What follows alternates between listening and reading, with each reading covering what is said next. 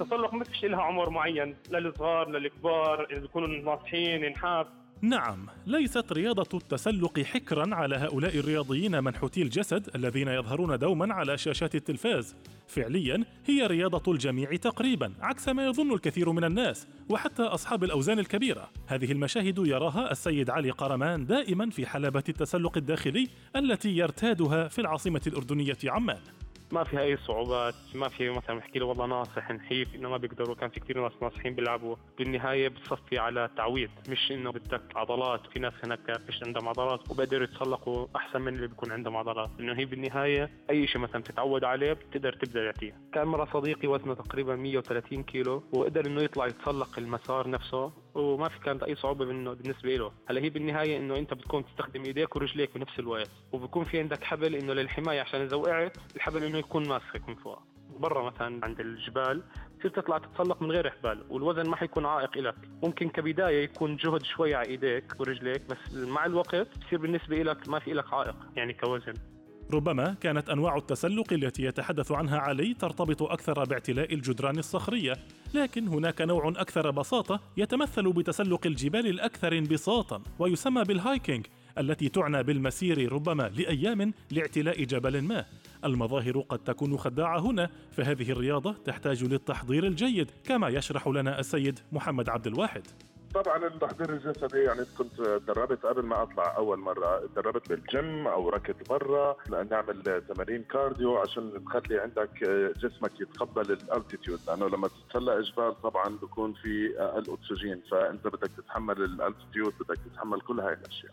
الطبيعة الأم قد تكون خلابة لكنها لا ترحم.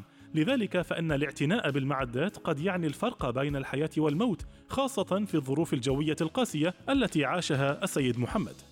المعدات طبعا بتحتاج أكيد شنطة اللي بتحملها على ظهرك. هاي الشنطة اللي بدك تحط فيها لبسك أكلك الغيارات إلى آخره. وبدك طبعا ال trekking pole لأنه طبعا لما تتسلق جبل بدك العصي تكون معك لأنه في كثير مرات لما تتسلق في مناطق بدك support فيها. لما تنزل برضه بتحتاج ال pole عشان يثبتك من وراء الاحجار الصغيرة اللي بتكون في الطريق. من أهم المعدات برضه اللي هي الجاكيتات لأنه هاي الأماكن كلها أماكن باردة. اول ما تبلش التسلق يكون الجو معتدل بس بعد ما تتسلق لمدة يوم ثلاث أو أربع أيام بتكون أنت على فوق سطح البحر تقريبا يعني 3000 أو 4000 متر. طبعا بيكون كثير برد. حتحتاج جاكيت حتحتاج down jacket وحتحتاج ال fleece jacket وال wind breaker البنطلونات برضه حتحتاج ال thermal هذه بتكون أحسن. وبتحتاج شرابات الصوف لأنه هذه بتدفيك بالليل وبتقدر تنام فيها.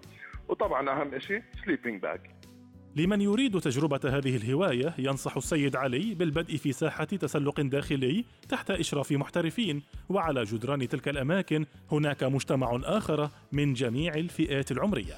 بالطبيعة التسلق بيكون فيه متعة أكثر وفيه تحدي بس بنفس الوقت بيكون فيه مخاطرة أكثر من التسلق الداخلي. بكون تحتيك مسافات شاهقة وما في شيء يعني بيحميك. أما بالتسلق الداخلي يعني أنت مرات بكون في تحتيك فرشات بكون في حبال ممسوكة وحاملتك لازم أول حصتين يدربوك كيف تربط الحبل كيف تمشي على المسار الصف اللي بيشتغلوا هناك لازم يكونوا جنبك. أي واحد ما بقدرش يطلع يتسلق لحاله لازم يكون في واحد تحت ماسك له الحبل. كان في كثير ناس كبار بالسن بيجوا بيتسلقوا وكان في أطفال صغار عمرهم ثلاث واربع سنين. هاي لكل الأعمار الشباب كبار السن أو أطفال كلهم بتزبط لهم